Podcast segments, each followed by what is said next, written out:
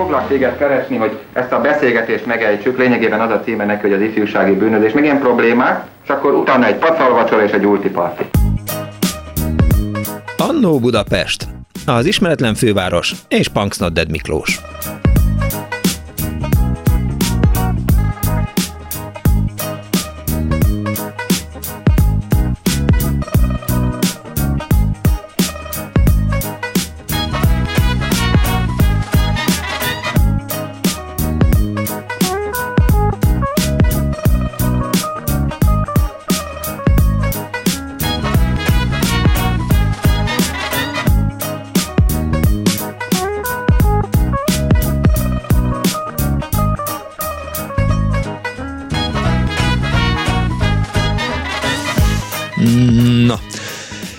Kívánok, kedves hallgatók! Ez itt a Klubrádió, benne az Annó Budapest, az önök alázatos narrátorával, Punks Not Dead Miklóssal. A legkisebb Punks Not Dead a héten, ugye hát ő egyetemre jár, és hogy megpróbálja a, hát azt a szerény zseppénzt kiegészíteni, amit tőlem kap, elment az egyik ilyen nagy élelmiszerhálózatba árufeltöltőnek. Hát nem nagyon szerette, és arra gondoltunk itt a szerkesztőtársaimmal, hogy megpróbáljuk az önök emlékeit előhalászni ezzel kapcsolatban, tehát hogy önök diákként milyen munkákat tudtak elvállalni, vagy akár már hivatalos dolgozó felnőttként milyen mellékeseket tudtak bevállalni azért, hogy egy valami kis plusz pénz essen már a családi kasszába, és ahogy így beszélgettük szerkesztőtársammal, Árva Brigittával a dolgot, megpróbáltunk hát egy ilyen listát létrehozni, amiben önök nyilván érdekeltek. Egyébként 2406953, illetve 2407953 a telefonszámunk. SMS-t a 0630 30 30 953-ra írhatnak, és szokás szerint hozzászólhatnak a műsorhoz a Klubrádió, illetve az Annó Budapest Facebook oldalán. Szóval van egy ilyen rövid listánk, aki hallja a nevét, vagy hallja a tevékenységét, az mindenféleképp hívjon, tárcsázzon és meséljen, hogy került oda, kellette hozzá valamiféle, hogy is mondjam, külső segítség, hátsó támogatás, kellett egy ismerős ahhoz például, hogy az ember lottószelvényeket válogathasson. A lottószelvények válogatása, arra emlékszem, mert az egyik barát barátom Filip Tibor, Isten nyugasztalja, ő gyakran gyakran ment lottószelvényt válogatni, és tudják, ez még akkor volt, amikor egy lottószelvény az három darabból állt, és valahol ott a Münich Ferenc utcában, jó, jó, jó, most ne kezdjünk bele, hogy, hogy az Nádor utca, de akkor éppen még Münich Ferenc utcának hívták, szóval, hogy ott volt valami nagy terem, ahol ott voltak nagyon sok emberek, és ugye valahogy úgy működtek ezek a lottószelvények, hogy azt a három szelvényt három darabra vágták, azt hiszem, hogy be is festékezték egyébként az oldalukat, tehát, hogy ne lehessen közé csempészni olyan szelvényt, ami, ami, amit valaki mondjuk bevisz a zsebében, és megpróbál ezzel egy ötöst a zsebébe sűjeszteni. Na szóval, hogy ott ültek, és akkor volt egy ilyen kis fémlap, vagy egy ilyen kiukasztott papírlap, amit hát rá kellett tenni a lottó szelvényre, és akkor lehetett látni, hogy na hát ezen egy találat sincs, ezen két találat van, ezen három találat van, négy találat van, vagy öt találat van. Ez persze akkor volt, amikor még 3.30 volt a lottó, és ha gondolják, akkor majd elő is halászom azt a képet, amikor nagymamám Punks Not Dead Istvánné egy szentesi lottó sorsoláson vett részt, és nagyon érdekes, mert egyrészt eh, le is fényképezték, másrészt meg, hogy kaptunk egy Lotto Otto nevű babát, ami pillanatnyilag is a, a szobámat eh, díszíti, de és akkor azt ígértem, hogy megpróbálom felsorolni azokat a munkákat, amiben önök lehet, hogy érdekeltek voltak, de miután nyilván nem teljes a lista, ezért tényleg arra biztatom önöket, hogy hívjanak és meséljenek ezekről a munkákról. 24 06 illetve 24 Szóval fölírtuk a takarítást, a gépelést, a fordítást, a nyelvoktatást, a lottószámlálást, az ablakpucolást, a gyermekfelügyeletet, a kutyasétáltatást, az ápolást, a beteggondozást, utazást, a vízumért sorban állás. Van, aki még ezt a szót nem ismeri, Dánielnek leesett az álla, akkor majd most mindjárt oda megyek, és egy eh, köndővel felkötöm, mert eh, valóban voltak olyan követségek, meg voltak olyan hivatalok, ahol általában 100 méteres sorok voltak, és ha valakinek nem volt annyi ideje, hogy ott áldogáljon este 10-től másnap reggel 8 óráig nyitásig, akkor felbérelt valakit, aki sorban állt. Aztán ott volt a szórólapok osztogatása, ott volt még a statisztálás, és eh, ahogy Kardos Józsi átküldött nekem rengeteg cikket, abból kiderül, hogy hát ugye klasszikus ilyen eh, keresett kiegészítő tevékenység volt a, a piros lámpáknál, az ablakok mosása. A Facebookon hozzá is szóltak már néhányan, például Mucsi Iván azt írta, hogy ő esti hírlapárus volt, meg hullámflugos. Ez olyan, mint az ittszer helyzet a Vidámparkban, esküszöm nem értem, tehát kedves Mucsi Iván, részletezt kérlek, hogy mi az, hogy, hogy hullámflugos nyilván valamit a Vidám Parkba kellett csinálni. Egy-egy hétvégén 73-ban, 74-ben 9000 forint jól jött. Szabó Ferencné a kukorica címerezésről ír, kemény munka volt, de jól megfizették. Márton Mónika azt írja, hogy gimmisként vadgesztenyegyűjtéssel kezdtem, a vadgazdaság vette meg, és emlékeim szerint nagyon jól fizettek. Nyári munkaként a városgazdálkodásnál vég nélküli számsorokat adtam össze számológépeken.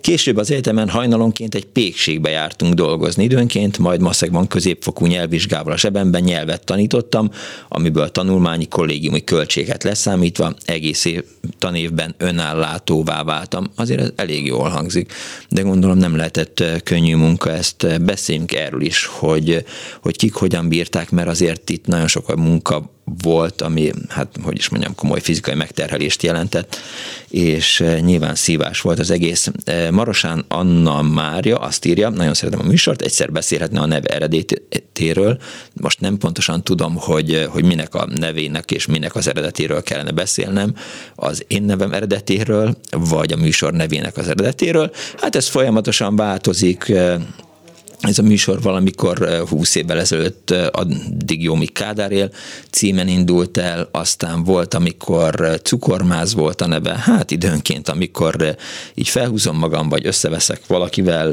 vagy azt gondolom, hogy elég volt ebből az egész műsorozásból, akkor általában kitalálom, és így lett egyébként most néhány évvel ezelőtt Annó Budapest, aminek hát ugye két értelme van az én fejemben, az önök fejében vélhetően egyel kevesebb, mert én mindig az annó az, a, az angol szóból, az ismeretlen szóból vezetem le, tehát én ismeretlen Budapestre gondolok, miközben persze tudjuk jól, hogy az annó, mármint kort, eh, korszakot jelent, annó Budapest is lehet. Szóval 24 06 3, 24 07 3, Marosán Anna Mária levelére majd még visszatérek. Halló, napot kívánok!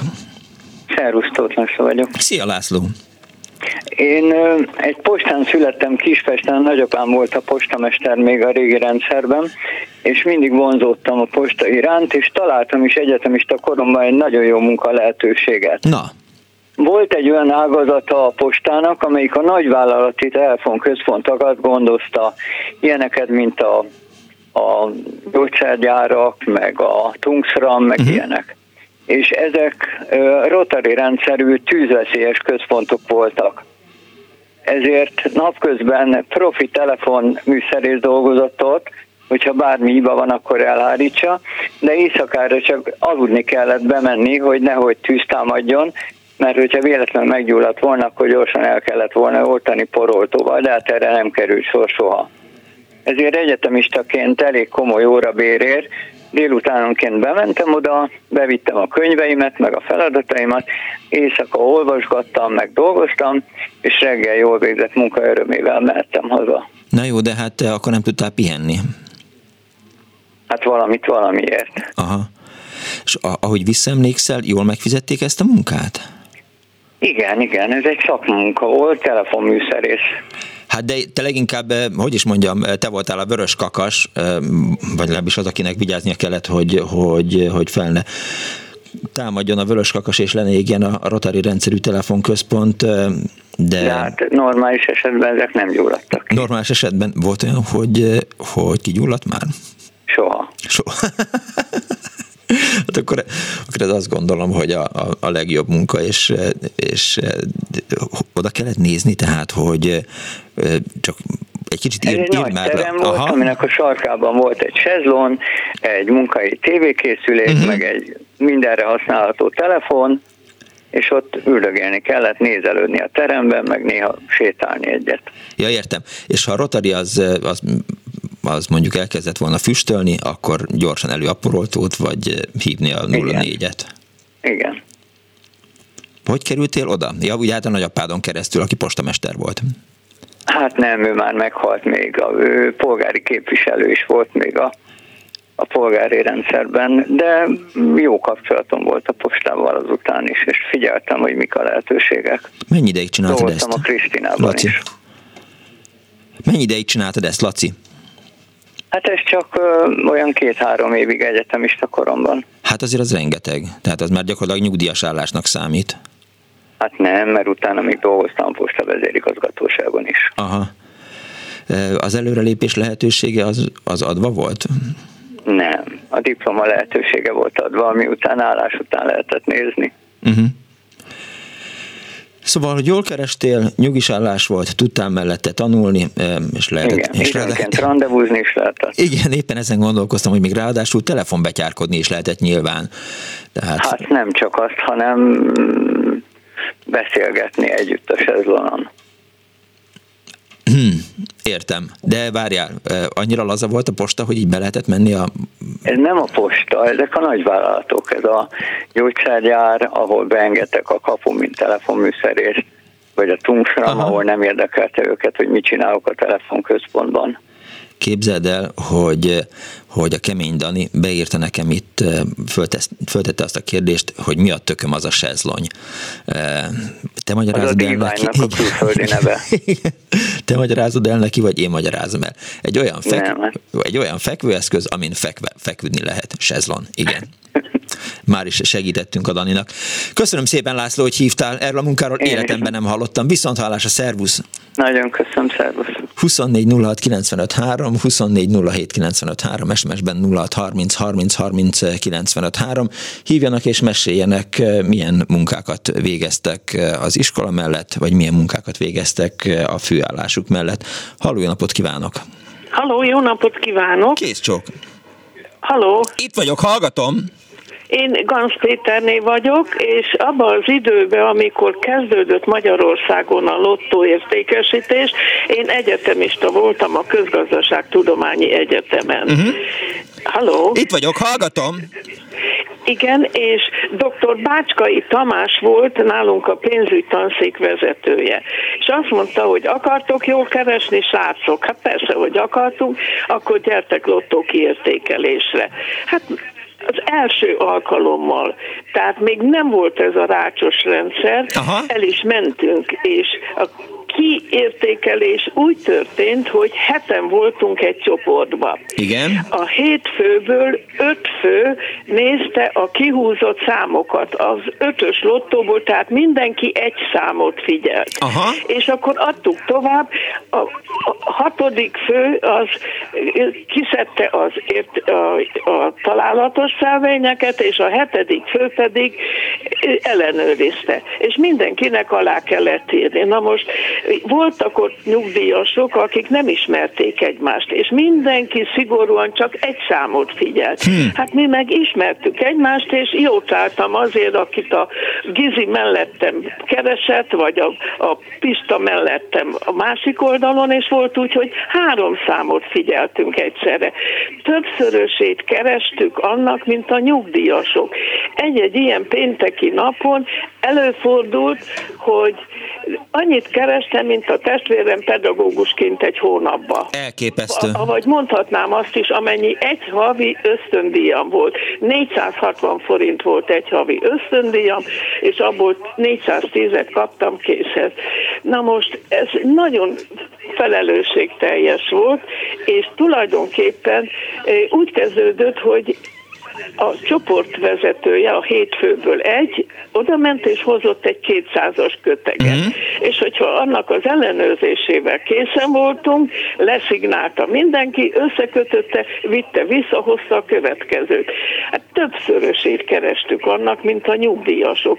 Ezután jött az a bizonyos rácsos rendszer, hogy rá kellett helyezni ezt a kis, kis ablakot a találatos szelvényre, és az, az már eleve mutatott azokat a számokat, amiket kihúztak.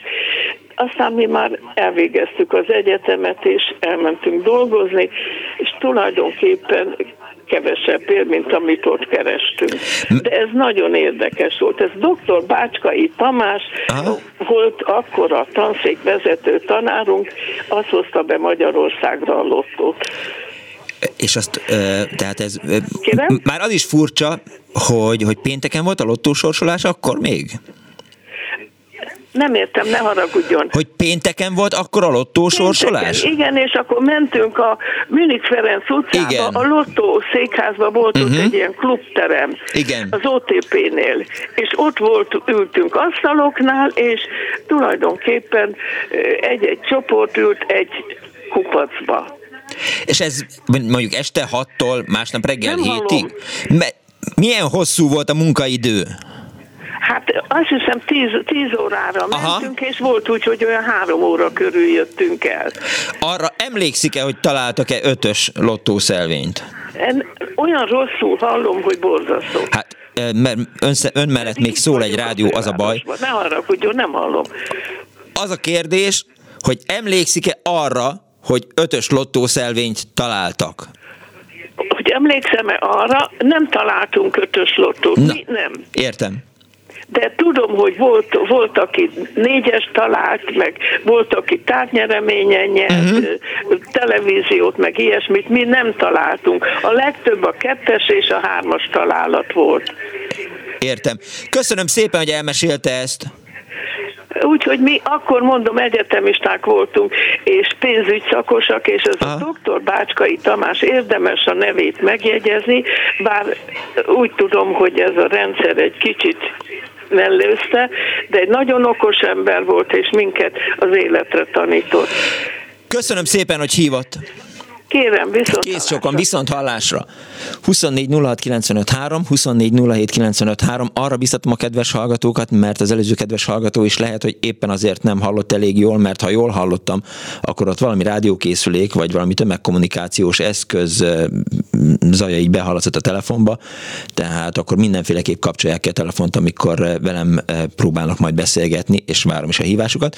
Néhány hallgatói SMS, figuráns földmérők mellett 70-es évek, egy hó 1500 forint, azaz egy, egy egy jobb használt bicikli árát jelentette ez. Sikító Fűrész azt írja, hogy esti hírlapárusítás napi bejelentkezéssel 150-200 forintot lehetett vele keresni naponta. Azt majd meséld el Sikító Fűrész, vagy írd meg, hogy, hogy a borravalóval volt ez annyi, vagy ennyit fizettek a, a hírlapelosztónál. Arra emlékszem, de lehet, hogy rosszul, hogy mintha a sajtószékházat lett volna, nem, azt pontosan tudom, hogy a sajtószékházat volt a Blaha téren, ahol most eh, az Empórium van, és eh, lehet, hogy onnan kellett elhozni az estírlapot, de ha még néhány részlettel eh, frissíted a memóriánkat, akkor nagyon hálás leszek. Azt írja a hallgató, hallgatókoromban nyaranta 5-6 hetet keszonosként a budapesti metróépítésen dolgoztam, brigádban. Én voltam az utolsó lapátos, jelentsen is bármit ez, hát az utolsó lapátos. Halló, jó napot kívánok! Halló! Jó napot! Szervusz Miklós Vizi János. Szervusz János. Üdvözlöm a hallgatókat is.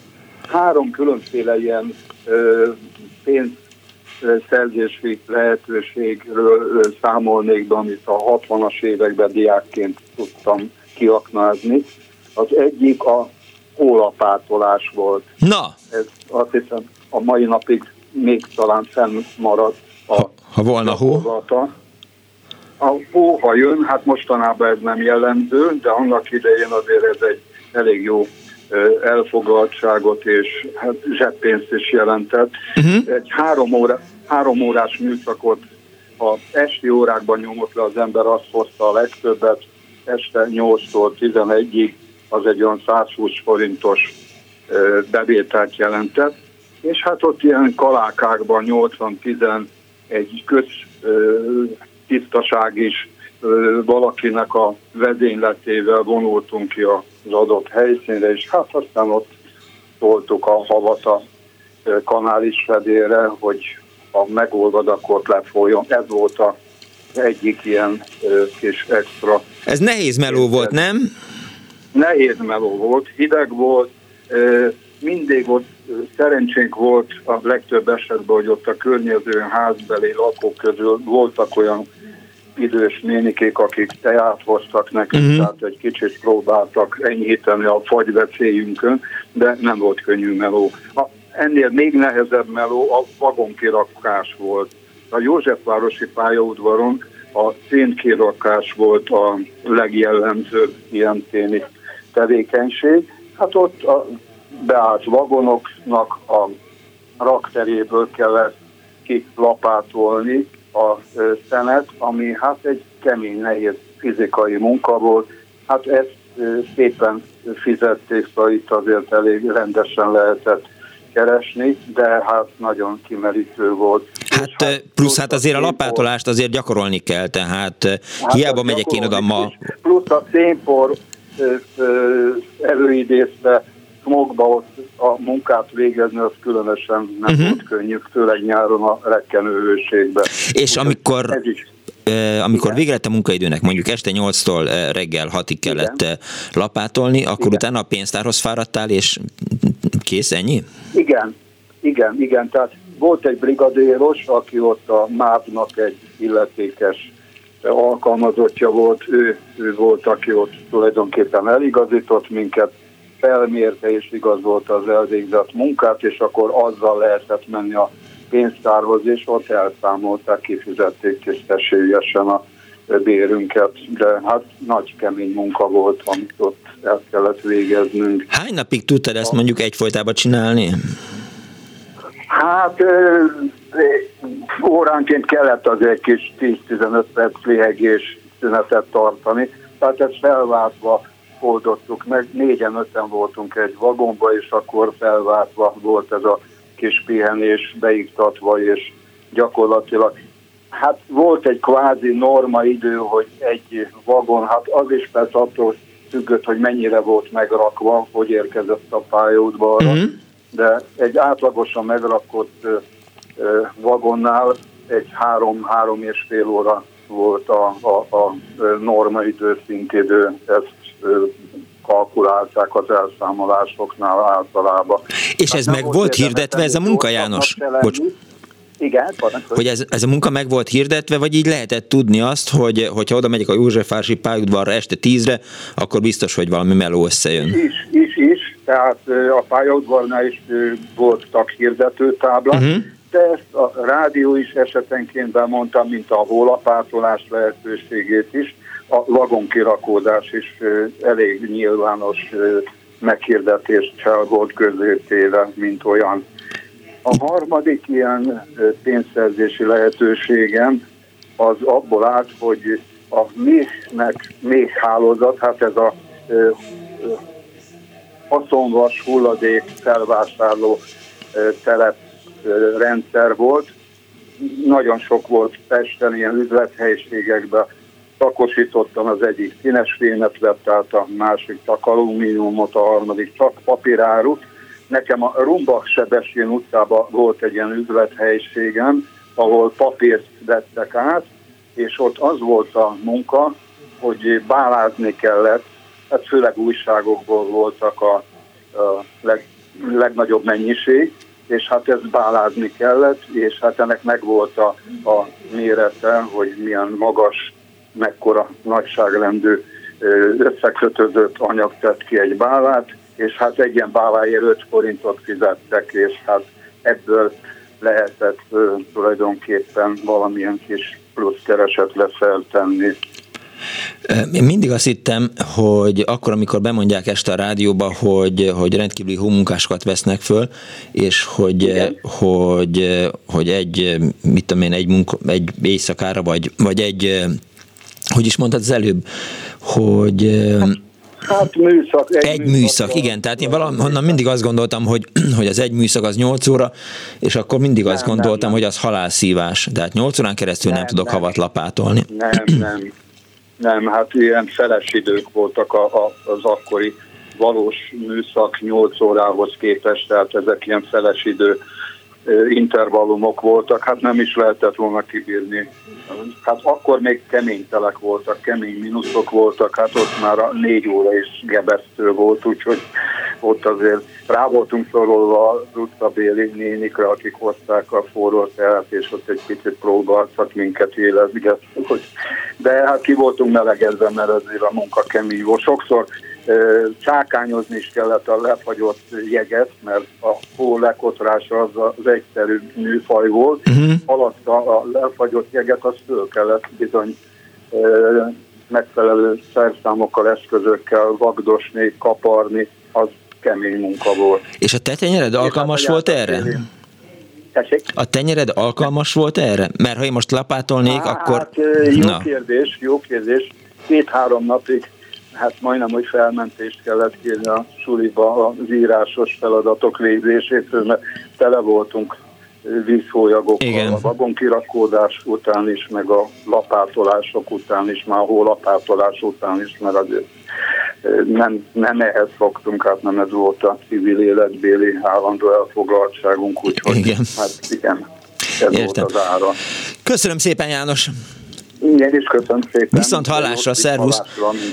0 30 30 30 95 3, ez az SMS számunk, e, és 24 0 ne rögél Dániel, 24 0 95 3, vagy 24 07 95 3 a telefonszámunk, és ma a mellékesekről beszélünk, azokról a munkákról, amelyet akár diákként, akár felnőttként a munkájuk mellett tudtak végezni, keresett, kiegészít, keresett kiegészítésként nehéz szó. Én a Kossuth nyomdában dolgoztam, írja a hallgató, összeszedőként, ezen kívül orvosi ügyeleten, sofőrként napol és éjszakai ügyeletek alkalmával vittem az orvosokat a betegekhez, valamint a várban az átadáshoz közeli állapotban lévő Hilton szállodát takarítottuk néhány héten át. Daninak írják, hogy a sezlony Chase Long, azaz hosszú szék, Lacit érdemes lett volna, er, volna ezért a Krisztinától megkérdezni. Azt mondta, ott is volt. Sikító Fűrész azt írja, hogy a 32-esek terén volt, mármint az esti hírlapnak az elosztója, és a borravalóval együtt volt ennyi a pénz, mert a posta csak gombokat adott, akkor 1,80 volt talán a, a az esti hírlap Dániel ismét egy olyan szakaszába érkeztünk a, a világnak, amikor te nem vásároltál esti hírlapot még, mert, mert akkor, akkor már nem volt, amikor te vásárolhattál volna, de egyébként azt az minden ember megvásárolta. Jött a metróban, ból, vagy hát például képzeld el, hogy én ültem, hát egy fiú punkként szentesen a sportszállónak a kocsmájában, a sportszállónak volt az ötödik emeleten egy büféje, és a barátaimmal minden este ott találkoztunk, és amikor a 17-20-assal megérkezett a Szentes városába az esti hírlap, akkor az esti hírlap árus az eljött oda is, és hát mindenki vásárolt magának egy esti hírlapot, hogy tudja, hogy mi a kotta, és hogy mi a helyzet a világban. Egy másik hallgató azt írja, hogy én a középiskola nyári szünetében bolgárkertészektől földjén korán 6 órát szedtük a paradicsomot paprikát tűző napon, napi 10 órában kemény fizikai munkával volt.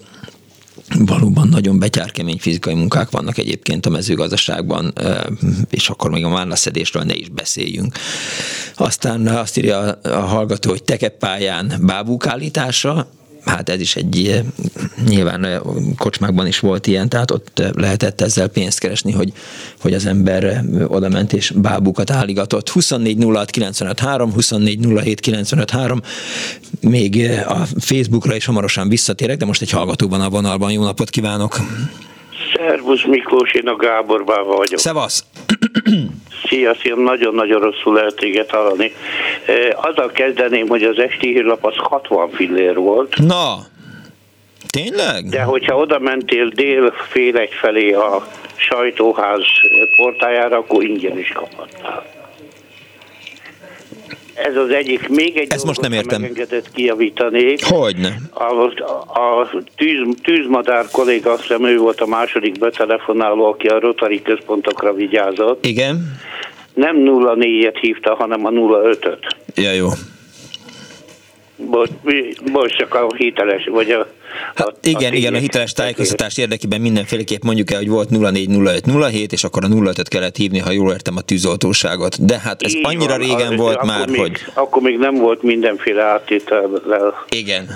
összevonva, és a hölgy említette a Bácskai Tamás professzor, hát ő volt, aki a Magyarázom a mechanizmus című sorozatot 67-68-ban ő írta. Ha, Igen? ha még emlékszünk rá. E, na, akkor magamról, az én, én másodállásomról, én a posta nemzetközi e, telefonközpontjában voltam kisasszony. Több nyelven. Uh-huh. Orosszal, lengyellel és némettel. Hát ez egy nagyon-nagyon érdekes munka volt. E, főleg vasárnap, mert ak- akkor a vár, várpalotai ö, szovjet kiskatonák bemehettek Veszprémbe, és onnan telefonáltak haza, nagyon-nagyon sűrű, uh-huh. sűrű hívások voltak, és én legtöbbet ővelük foglalkoztam, mert leginkább vasárnap dolgoztam. Továbbá a teng- tengizben dolgozók, ez olyan 86-87 körül lehetett. Tengizben dolgozóknak is volt egy külön önálló vonaluk. Uh-huh. És őket lehetett kapcsolni. Egy nagyon érdekes dolog, mondjuk, mondjuk az ember így ráér e, időnként, hogy e, akik hazatelefonáltak Tengizből, akik Nyugat-Magyarországra, tehát, tehát mindenkinek 10 perce volt. Ez egy ilyen belső szabályozás volt, nem mi szabályoztuk, hanem a tengiziek. Uh-huh.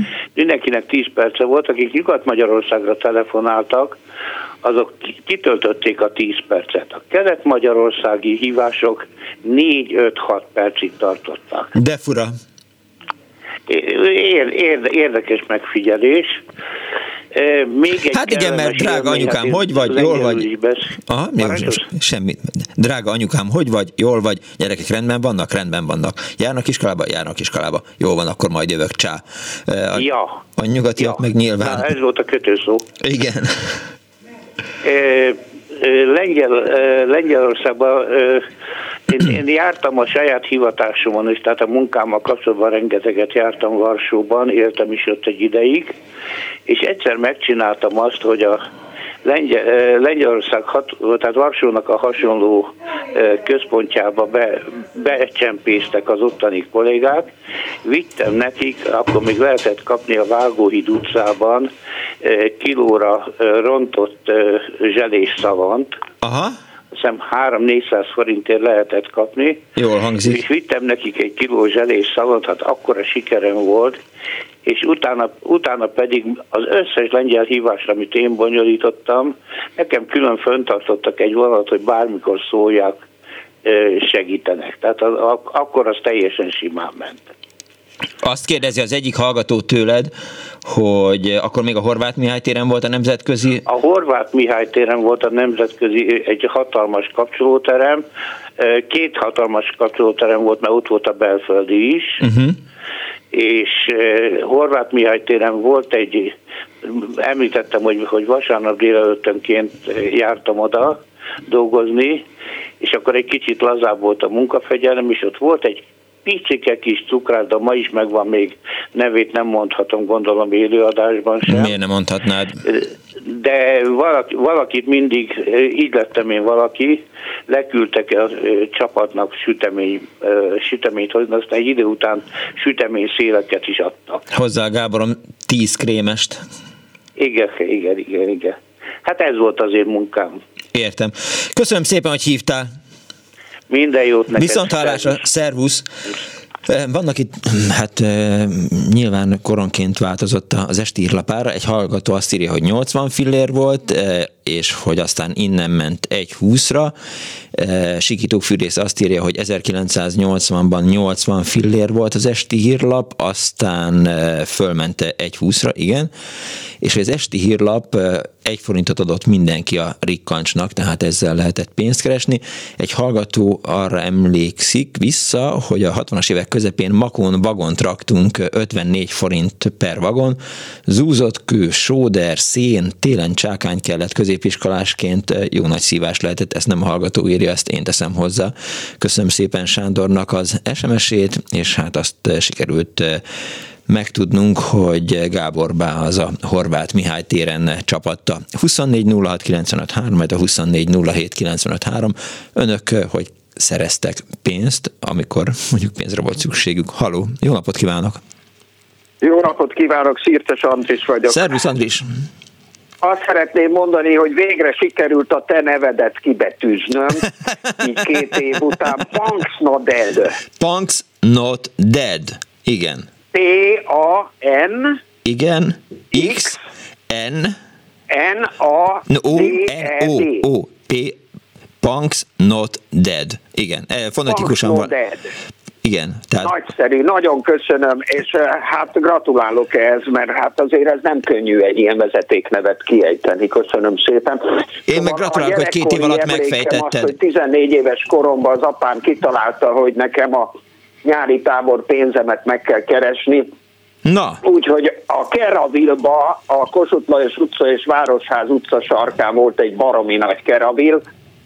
14 éves koromban kaptam egy kék köpenyt, és rajta volt egy címke, hogy tanuló eladó.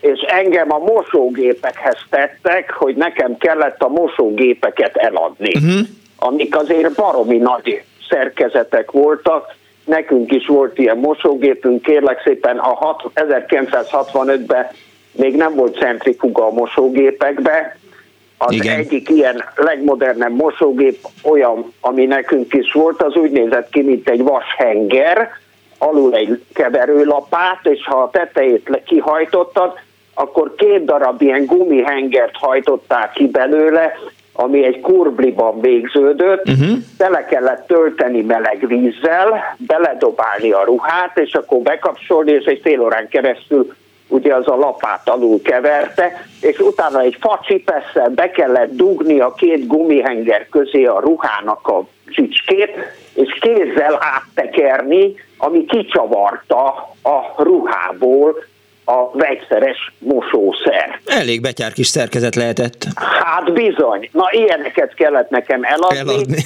és én akkor 42 kiló voltam, hátulról a második az osztályba, mögöttem már csak egy olyan gyerek volt, aki valami TBC miatt még soványabb volt, mint én. Na most képzeld el ezeket a bazi nagy mosógépeket ott rendezgetni, igazgatni, eladni, de annyira sikerült megtanulnom az összes mosógépnek a paramétereit, mert átolvastam a műszaki leírásokat, hogy földobtam az üzletet, úgyhogy egy hónap után a főnök mondta is, hogy maradhatnék még egy hónapig, de mondtam neki, hogy az egész nyaramat nem akarom mosógépek eladásával tölteni, úgyhogy 420 forintot kaptam 1965-be a 8-tól 12-ig a 4 órás munkámért, ami egy komoly összegnek számított, uh-huh. hiszen 3 forint 50 fillér volt, amit én hetente zseppénzként kaptam az apámtól, úgyhogy a 420 forintot arra költöttem, hogy rögtön elmentem mindenféle boltokba, és ajándékokat vásároltam a szüleimnek, meg a testvéreimnek, életemben először én voltam a legboldogabb ember, úgyhogy mikor hazamentem, apám nagyon leszidott, mert ennek a pénznek a felét ajándékokra költöttem, a második fele volt az, amit végül is a következő nyári táborra be kellett fizetnem. Hát ez volt az én gyerekkori tanuló eladó élményem, és volt még egy, amikor kint laktam Pilisboros Jenőn az Orfeo együttessel, akkor én önhatalmulag kiléptem a filmgyárból, mert összevesztem egy főosztályvezetővel, és terítő pöttyözésből éltem. A terítő pöttyözés az abból állt, hogy péntekenként bejöttünk a Stuyber Zsuzsival, a kedvesemmel Budapestre, uh-huh. kaptunk ezer darab, körülbelül olyan hát 40x40 centis terítőt, amit hazavittünk, és egy speciális textilfestékkel, és egy olyan kis uh, celluloiddal, amin ki voltak vágva kis körök, kellett ezt a terítőt pöttyözni, úgyhogy rátetted ezt a kis rostét vagy maszkot, és az ecsettel körkörösen mozogtál egy kicsit, és akkor egy csomó pöttyöt rá pöttyöztél a terítőre, majd vasalóval le kellett vasalni, forró vasalóval, hogy ez a terítő pötty, ez a festék az ott fixálódjon. Képzeld el, hogy ezt csináltuk éjjel-nappal három napig, majd vasárnap este bementünk Budapestre, és leadtuk ezt az egészet, és ezért nagyon sok pénzt kaptunk, tehát ebből egy, egy-két hétig meg tudtunk élni, csak az volt a baj, tudod, mint a Chaplinnek a modern időkben, hogy éjjel álmomba is terítőt köztem. A modern időkben tudod, ő állandóan ilyen Igen. csavarokat húz Igen. meg álmába, úgyhogy éjjel állandóan terítőket föttyöztem, és ez nagyon nehezen múlt el, tehát kellett egy hét megint, amíg kialszom ezt a borzalmas rabszolga munkát. De milyen világ nagyon... volt ez, hogy volt egy, egy normál terítő, jött a Szirtes Andris, összepetjezte, és akkor kétszer annyira el lehetett adni, mint, eh, mint igen, korábban. Igen, csodálatos, nagyon szabad voltam, mert hogy nem fügtem senkitől, és tudtam, hogy a hétvégén megkeresem azt a pénzt, ami a megéletésemhez kell. Bár ez egy eh, iszonyatos rabszolga munka volt, és mondom, lelkileg nagyon megviselt, mert állandóan terítőpöttyözéssel álmodtam. Hát ennyi két ilyen kis finom kis eseménnyel tudtam hozzájárulni ehhez a mai műsorotokhoz. De igen, ezt nagyon jól tetted, hogy hozzájárultál, és azért lássuk be, hogy, hogy ez a tudás azért ez, ez egy fontos tudás, tehát szerintem ha most rámennél még a terítőpöttyözésre, illetve hát a, a mosógépek árusítására, akkor élnél, mint Marci hevesen. Jó, nagyon szépen köszönöm, hogy uh, beszéletem, majd egyszer hívják föl, mert lenne egy személyes kérdésem, hogy te az Enkönnyű csoportba szerepeltél mint Igen. aktivista. Igen, én az Enkönnyű csoportban szerepeltem, mint aktivista, sőt, még veled is többször berúgtam a, a Finánc nevű szórakozó helyen, amikor a Balázs Bélánál te még a naplót forgattad, én meg valami mást, és időnként kimentünk a Finánzba, megint néhány Vilmos körtét. Ja, jó, csak nem akartam elterelni a témát, nyilván még sokkal jelentkeznek. Egyszer majd hívjál föl, mert okay. lenne néhány szak, kérdésem ezzel kapcsolatban. Oké, okay, rendben, jó van András. Oké, okay, jó, jó, ciao. Köszönöm szépen, további kellemes műsor. Igen, Szevasz. viszont hallásra. Elnézést kérek a privatizálásról, életemnek egy szakaszába mentünk vissza, akkor valóban ma egyébként elfutottam a, a, az egykori Balázs Béla filmstúdió mellett, ami hát már semmilyen szinten nem hasonlít arra a Pasaréti úti filmgyára, ami volt egykor, de hogy szervusz Dániel, mit, miért jöttél ide? Egyszer szeretnék csinálni egy Annó Punks Nodedet. Tehát, hogy ö, az, az lenne Nincs, a felállása. Az a idő. Az lenne a felállása, Igen. hogy, hogy hát Bóta úrral esetleg beszélünk, hogy a... a nem, nem Bóta úrral kell beszélni, hanem a Kovács Krisztával, a Szénásival, meg az összes ismétléssel. Igen, és, aztán... a Halper Laci meg majd Igen. utána adhatna Igen. zenét. De nem, tehát, hogy, hogy az lenne a felállás, hogy mondjuk nem tudom, valaki elvezetni, és te telefonálnál be.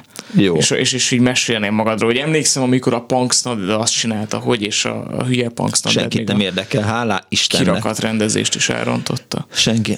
Volt olyan kirakat, amit elrontottam. Hogy lehet egy kirakatot elrontani? Úgy, hogy... Betöröd az üvegét. Nem, nem, nem, nem, nem, nem elmondom. Parancsolj kérlek. Elmondom. Volt a, a, a, a Petőfi Sándor utcában egy szörmebolt abban az épületben, ami a Felszabtér négy szám, és aztán ugye most ott csináltak egy nagy szállodát, aminek volt egy, egy szörmeboltja a ruházati boltvállalatnál, és egyszer kitaláltam, hogy egy kirakatrendező versenyre egy, egy ilyen szörme kirakot fogok csinálni, tehát hogy a, a, most nem fog eszembe jutni, hogy, hogy Franciaországban Altamira Altamira Franciaország, vagy Altamira Spanyolország, nem most akkor beírtam magamnak az egyest. Szóval, hogy az Altamira... Én kimegyek amúgy. Hova? Sehova, indi, igen. Hogy az Altamirai barlangrajzokat fölfestem a, a, a kirakat hátuljára, és akkor elhelyezem benne ezeket a szörmekabátokat, és hát egyfajta ilyen középszerű szlogennel, hogy már az őskorban is megnyerem a kirakat rendező versenyt. Csak, igen, oh. csak er, erre jött az, hogy előző nap megnyílt a nyugati téren a, a, a skála, étterem, ahol Bernát Y. Sándor barátom, és akkor Matuska Silver Sand nevű zenekara lépett fel, ahová én elmentem a pajtásaimmal, ahol aztán mindenféle dolgot beszettünk, meg, meg megittunk, meg lemozogtuk a partit, és emiatt aztán másnap félbehagytam a, a, a kirakatot, és még ráadásul elhúztam Sopronba valami, valami fesztiválra, szóval, hogy, hogy trehány gyerek voltam, és aztán azt hiszem meg is róttak érte.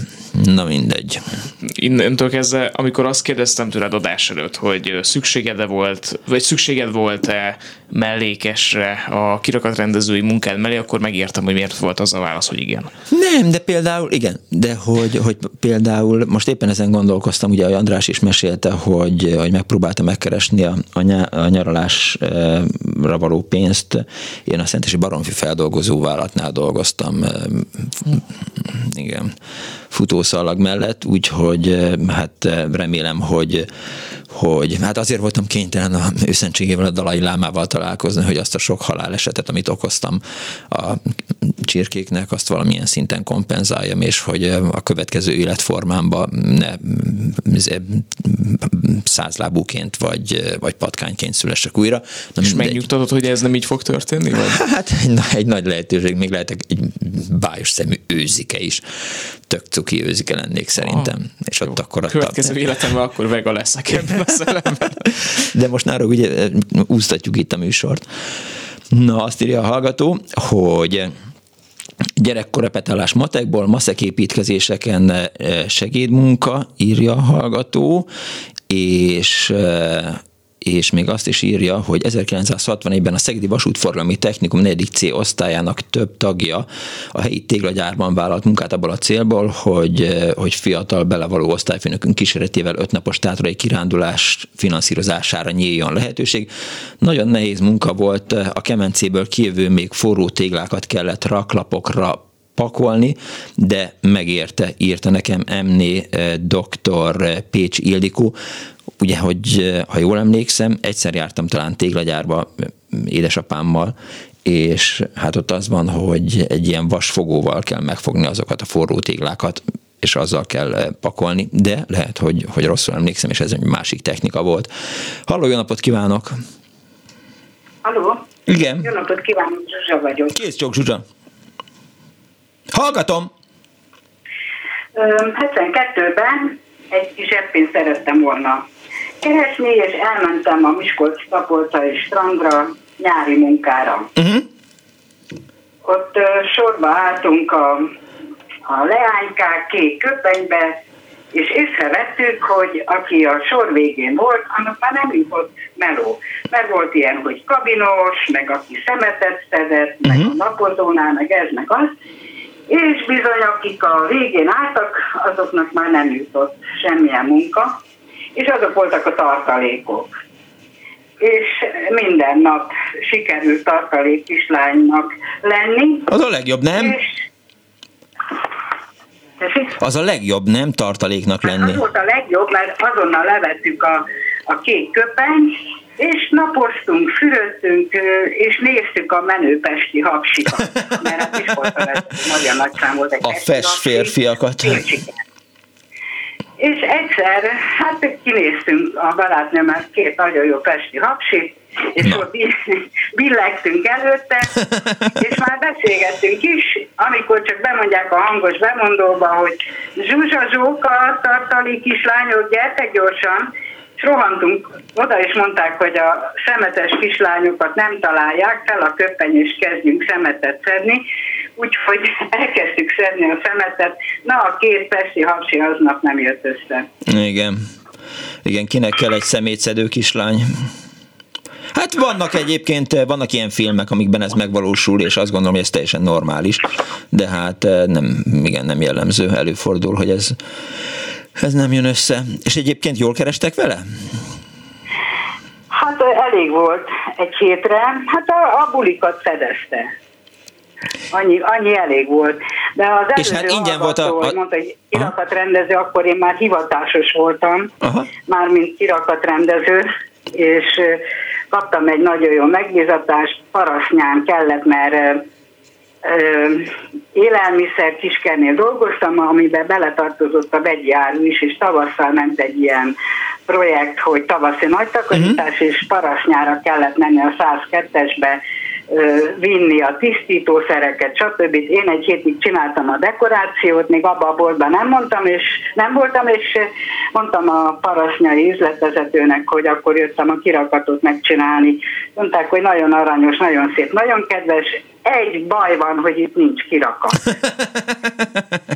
Akkor, hát mondom, én már nem cipelem haza, amiket hoztam, ilyen kivágott papírruhát, meg tisztítószert, a vaskályha csövére és a falra szögeztem egy madzagot, és csipesszel kiraktam őket, nagyon nézték, nagyon tetszett mindenkinek, és akkor oda jött egy helyi lakos, és azt mondta, hogy jaj, csokkolom, mennyibe kerül, én ezt megvenném. És ráncigálta le a csipesszel odarakott papírruhácskát.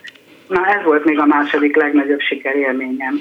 Értem, de mondjuk a, a, a strandon azért az ingyen szolárium biztosítva volt, tehát azért az tök jó. Hát igen, a, jót barnultunk le. Igen. Azokat mindig irigylem, akik már májusban ilyen, olyan barnák, hogy csakna. Tehát az úszómestereket. Igen. Hát igen, ez mondjuk nyári munka volt, gimnazista voltam, úgyhogy ez júniustól lépett csak. Értem. Köszönöm szépen, hogy hívott. Én is köszönöm. Kész csokom, viszont hallásra. Fölütöttem egyébként az 1982-es eh, magyar ifjúságot, amiben zsepp pénz, kérdőjel lehetőség, kérdőjel kereset. Hát egy, valamiért szóközt rakott oda a tördelő, szerintem nem kellett volna, de mindegy. Tehát arról számol be CZG nevű szerző, hogy, hogy mit tudnak dolgozni a, fiatalok, és akkor kiderül, hogy heti 18 óra erjéig vállalhatnak munkát az egyetemisták és főiskolások különböző vállalatoknál, hogy élni is tudjanak a lehetőséggel. Akkor még nyilván nem diákmunkának hívták azt a céget, amely manapság így szervezi a fiataloknak a munkákat, de például az derül ki abból az írásból, itt, most ha itt van egy hallgató, akkor megszólítom, csak 14.58 és nem tudom, hogy, hogy befejezzük addig a beszélgetést. Halló, jó napot kívánok! Halló! Üdvözlöm, jó napot! Kirsten Péter vagyok. Hello, szia. Péter! Nagyon rövid leszek akkor a hírekig. Az egyik csak azt akarom mondani lottó számláláshoz, hogyha neked kedvenced a fekete lyuk, és egy ilyen nagy lottószámláló hely volt. Mármint a Vörös Marti e, művelődési ház? A művelődési háznak Aha. a nagy termébe be volt rendezve. És Ezt nem tudtam. Aha. Ganzmáló művelődési ház. Igen, igen, igen, igen, igen, igen, igen, igen, igen. Na, jó, ennyi. A, ami a nyári munkáról az egy mondatban, aztán majd ezt témát lehet folytatni. Nekem az egyik nagy élmény, figuráns voltam vasútépítésnél jó levegőn sokat sétálni, és egy dinnyeföld mellett dolgoztunk, úgyhogy a napi betevőnk is megvolt ebből a munkából a barátommal, akivel ezt a munkát csináltuk, ez még Dunai város mellett történt. Sose értettem azt a munkát. Tehát jó, tudom, hogy volt egy piros-fehér... E, e... Igen, azzal kellett sétálni, a Teodorittal nézte a mérnök úr, jegyzetel, arrébb küldött bennünket, arrébb mentünk, Úgyhogy... Mert ugye ez ez nem csak neked volt, hanem, hanem nagyon sok olyan embernek, akinek hát kellett, hogy valami kötelező munkája legyen, de igazából nem szerettek volna beállni a gyárba napi 24 órába, vagy napi 8 órába dolgozni, és, és azért baracskát valahogy meg kellett úszni, ami, ahová közveszélyes munkakerülés hát miatt került az ember. Nyári munka volt egy barátommal, és minden napot úgy fejeztük be, hogy a Dinyaföldön ebédeltünk, vacsoráztunk, uzsonáztunk. Igen kenyere, haja, béle. Így van. Igen, dinnye kenyérrel, ez volt az ebéd. Köszönöm szépen, Péter! Viszont hallásra. 24 06 95 3, illetve 24 07 95 3, illetve 06 30 30 30 95 3 az SMS számunk. Ma az Annó Budapest a keresett kiegészítésről szól. Önök kisdiákként, vagy nagydiákként, egyetemistaként, vagy főiskolasként, vagy felnőtt munkaerőként hogyan egészítették ki a szerény fizetésüket. Hívjanak és meséljenek, még van egy-két SMS is, amire majd vissza fogok térni, illetve hát a Facebook Facebookon is vannak hozzászólások.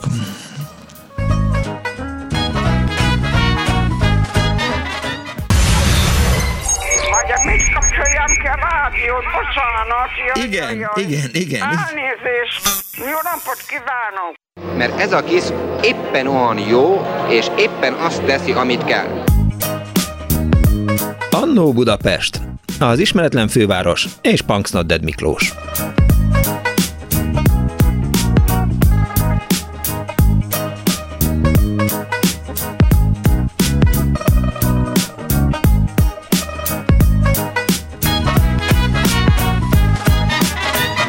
Napot kívánok a most ébredő kedves hallgatóknak! Ez a Klubrádió benne az Annó Budapest az önök alázatos narrátorával, Punks Nodded Miklóssal. Ma az egykori keresett kiegészítéseknek járunk oda, mondhatnánk egy speciális gazdasági műsor ma az Annó. Nagyon sok hallgatói SMS érkezett, és megígértem, hogy a Facebookra is visszatérünk, mert hogy Marosán Mária Anna azt írta, hogy korrektor voltam éjszaka otthon, angol gépeléseket vállaltam, totó kiértékelésen is dolgoztam, dolgoztam vasárnap éjszaka, most alvászavaraim vannak, akár reggelig fent tudok maradni. Sugárveszélyes helyen voltam egyébként asszisztens, ezért heti 36 órát kellett dolgozni, így minden szombat szabad volt, akkor, amikor még másoknak még nem. Szombaton aludtam ki magam, írta tehát Marosán Mária.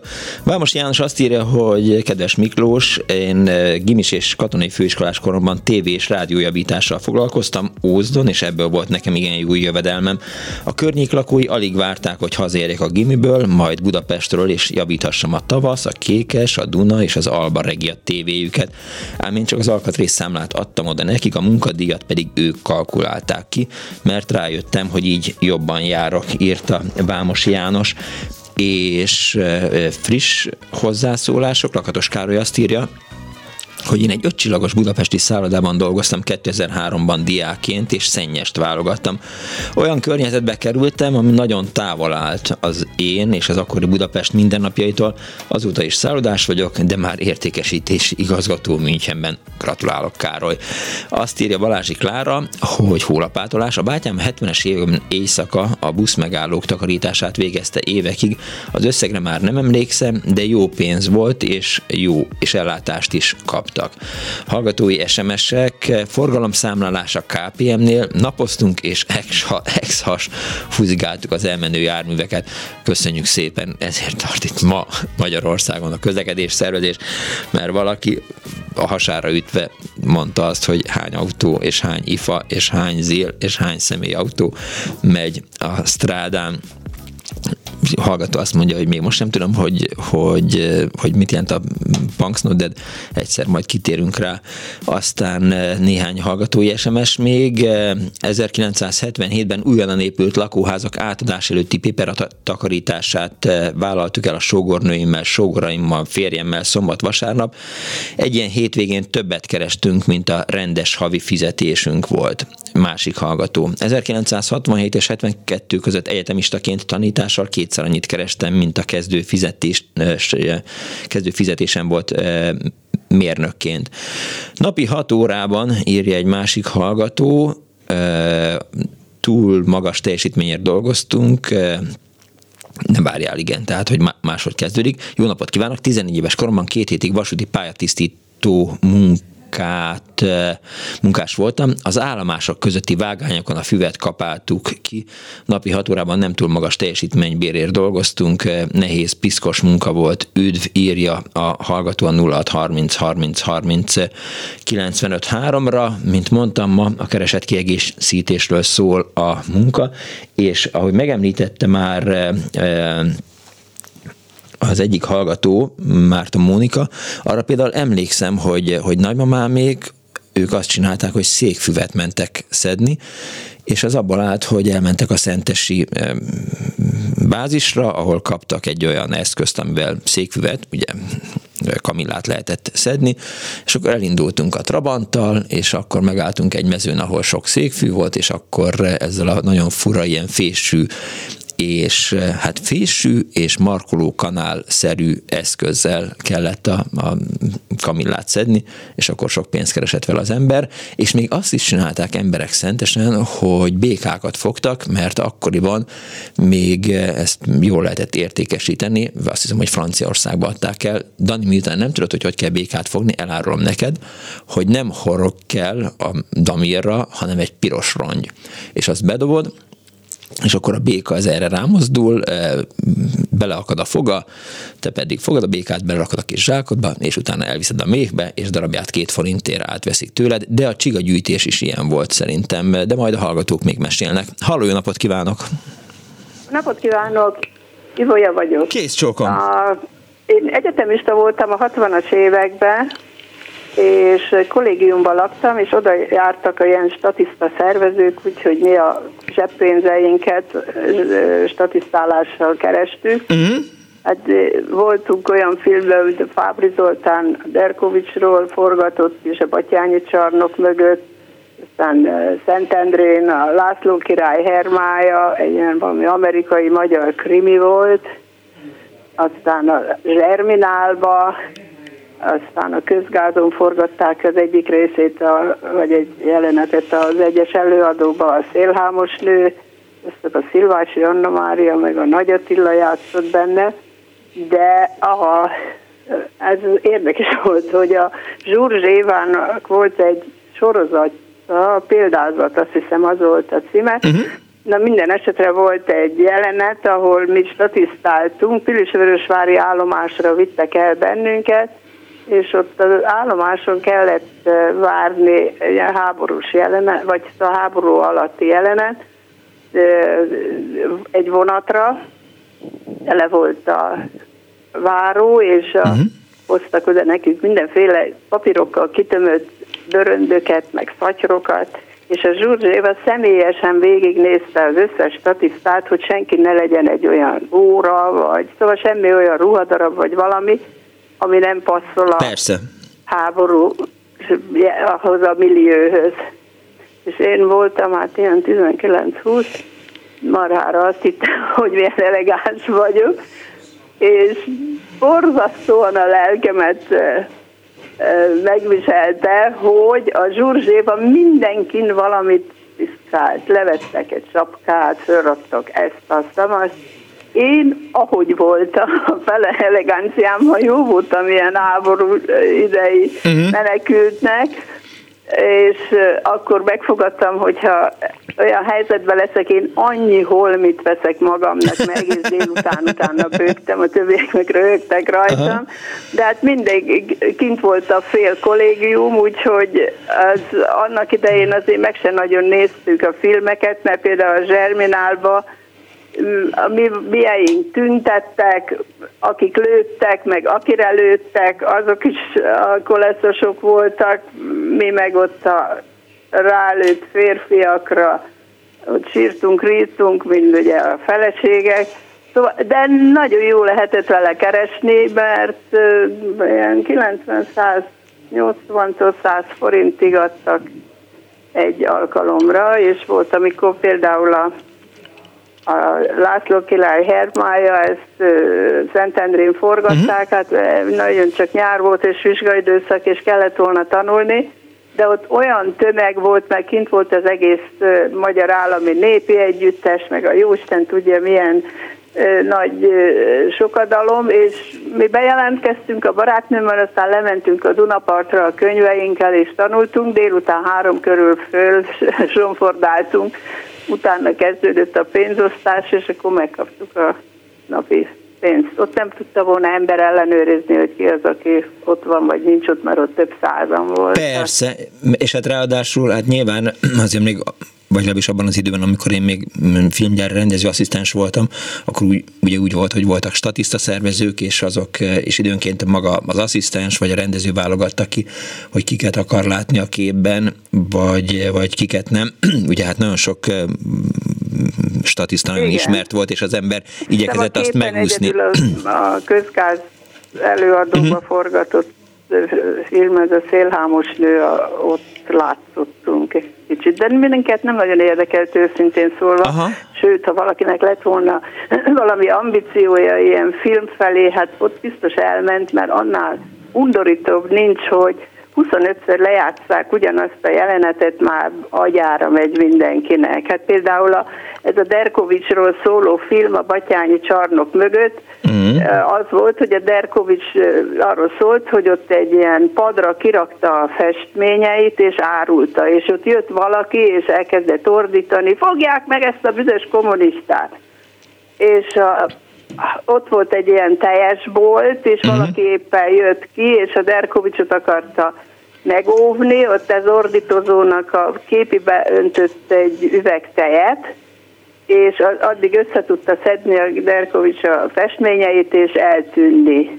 Na hát ezt a jelenetet Hát emlékezetem szerint legalább hatszor lejátszották. Hm, igen. a színész kimosták mindig a fejből, aztán újra beborították, hát szóval nem tudom, de szóval mi nekünk nem volt semmi hangulatunk arra, hogy Isten őriz. Igen, ha életemben egyszer jó fej voltam...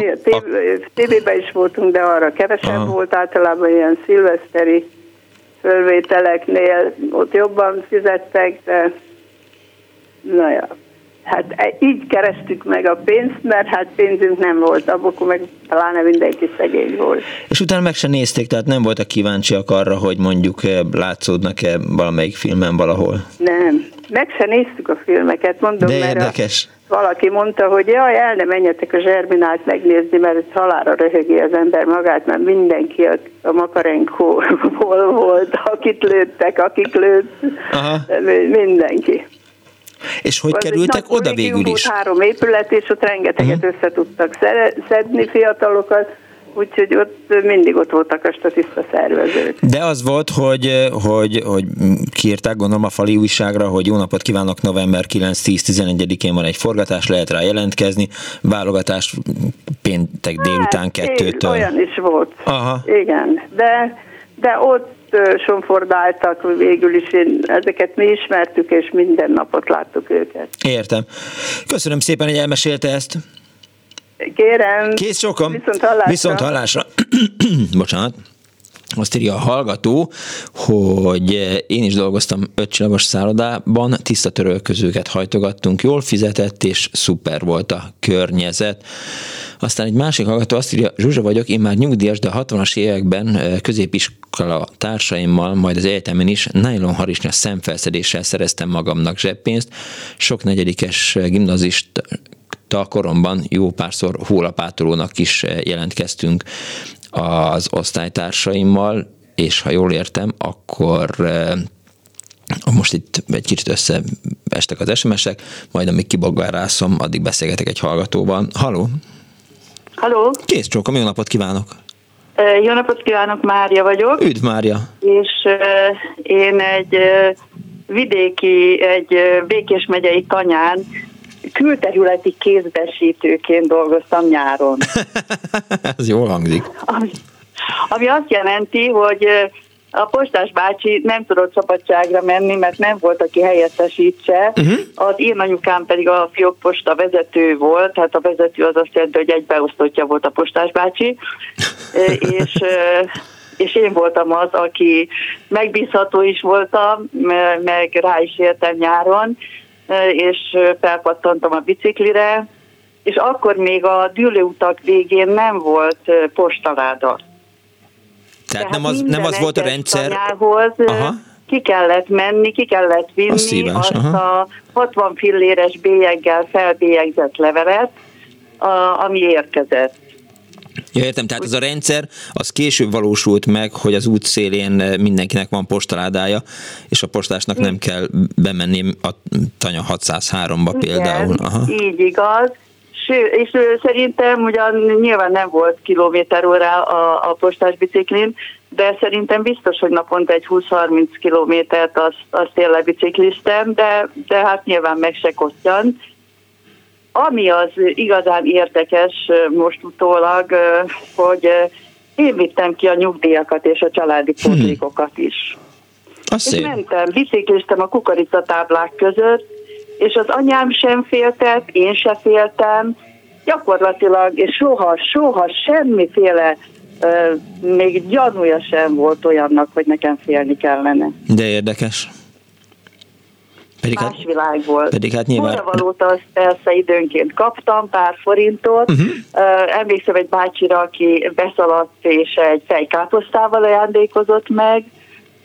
Aztán volt, amikor a házi uh, uh, sütésű kenyérből kaptam egy nagy karéjal, és az megkente a, a gazdasszony mm, házi zsírral, úgyhogy ilyen, ilyen kalandok voltak. És hát ez, ez gyakorlatilag ez a fizetés, ez arra jó volt, hogy a következő tanévre azért én fel tudtam ruházkodni. Igen, a postásokat szerintem régen mindig így leültették. Tehát így behívták. Volt, Igen, igen, volt, volt, hogy hát bementünk ugye a tanyára, mondjuk engem egyszer kergettek meg összesen a kutyák, az akkor féltem egy kicsit. De, de hát az egy szociológiai tanulmánynak is beért, hogy hogy hogy éltek az emberek akkor ezeken a tanyákon. Petróleumlámpa, légypapír az, a, az asztal fölött, és a többi. Ezt, de hát otthon is petróleumlámpával, tehát a, a posta vasút épületében is, én azt hiszem, hogy már középiskolás voltam, amikor bevezették a villanyt, tehát nálunk az uh-huh. rendszeres program volt, amikor alkonyodott, anyám elővette a a rongyot, meg a lámpa üvegeket, hmm. és akkor sorba megtörölte őket, föltöltötte petróleummal, és akkor mindenhol meggyújtotta a petróleumlámpát, úgyhogy ez így igaz. Én egy osztálytársamra emlékszem, aki, akinél tudom, hogy petróleumlámpa volt, akkor, amikor már én iskolába jártam, és akkor mindenki csodálkozott rajta, de hát ez nyilván a, a 60-as, 70-es évek eleje lehetett, 70-es évek közepe. Igen, igen, ez akkor, ez akkor volt. Minden esetre végül is akkor úgy jól éreztem magam, hogy én valami fontosat csinálok, és mindenkit ismertem ott anyavilágban, és jól éreztem magam. Köszönöm szépen, hogy elmesélte. Minden jót, viszont Kész sokan, viszont hallásra. 24 06 mert a 24 az SMS számunk egy hallgató ismét elküldte azt, hogy, a, hogy orvosügyeletnél szállít orvosokat betegekhez. Ezt már felolvastam egyszer, illetve hogy a, az átadáshoz közeli Hilton szállodát takarították néhány éven, néhány héten át. Ez már szóba került itt a mai műsorban.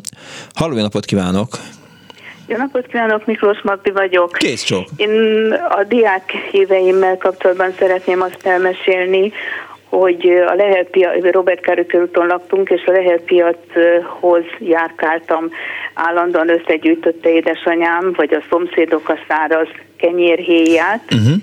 és hát ez még igen, csak a 70-es év környékén volt, és hát először is egy ilyen nagyon kis rozoga szatyorba bepakolta édesanyám ezeket a kenyérhéjákat, és akkor mentünk ki a Lehel piacra, ott már a sarkon vártak bennünket a kofák, tehát látták, hogy mikor jönnek be a villamosok, 3-as meg 55-ös, 33-as villamos, és hát végül is kapkodtak utánunk, és mindig azt néztük, hogy na most kiad esetleg 20 fillérrel, vagy 10 fillérrel többet.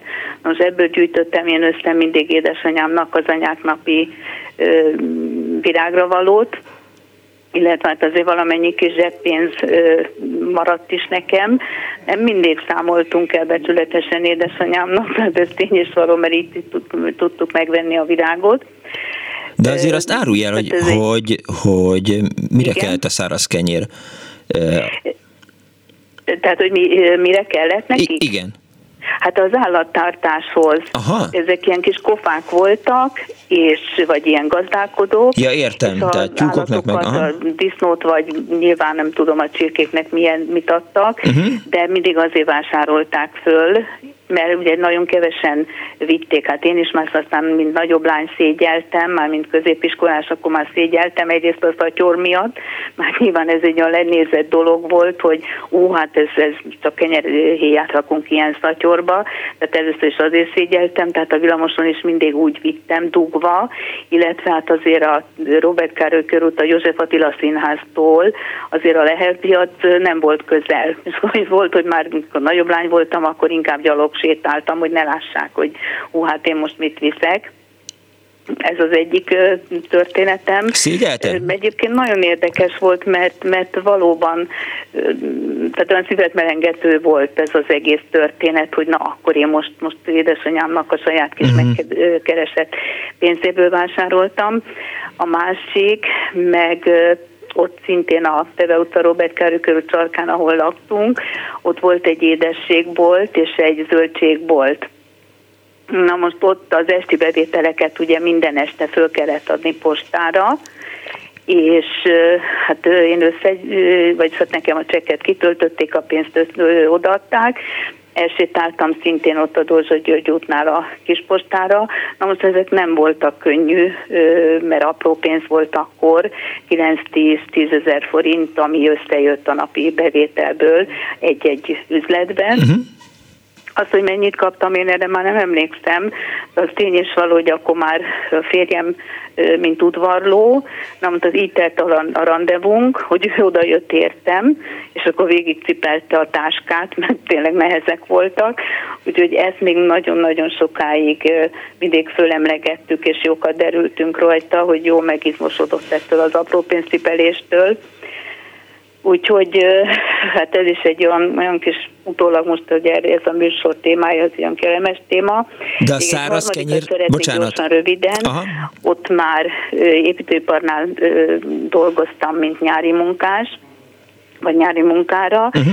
és a segédmunkásokat képezték át betanított munkásoknak meg kellett vagy ők, akármelyik technikus vagy építésvezető megírta a tananyagot, ezt nekem le kellett gépelnem, ebből vizsgáztak ebből a tananyagból, és ezért oldalanként három forintot kaptam, de munkaidőbe. Tehát munkaidőben tudtam megcsinálni, úgyhogy pénzt is kerestem, illetve mondom, napi vagy oldalankénti három forint, tehát azért ez nem volt egy rossz kereslet. Nem, nem, nem, semmiféleképp abban az időben, úgyhogy hát igen, ebből lett a staférungom annak idején vásárolva, meg hát egyéb dolgok, úgyhogy ezt szerettem volna Azt elmondani. szerettem volna megkérdezni, hogy a, a, a, a száraz kenyérszállítást a piacra azt szégyelte? Igen, igen.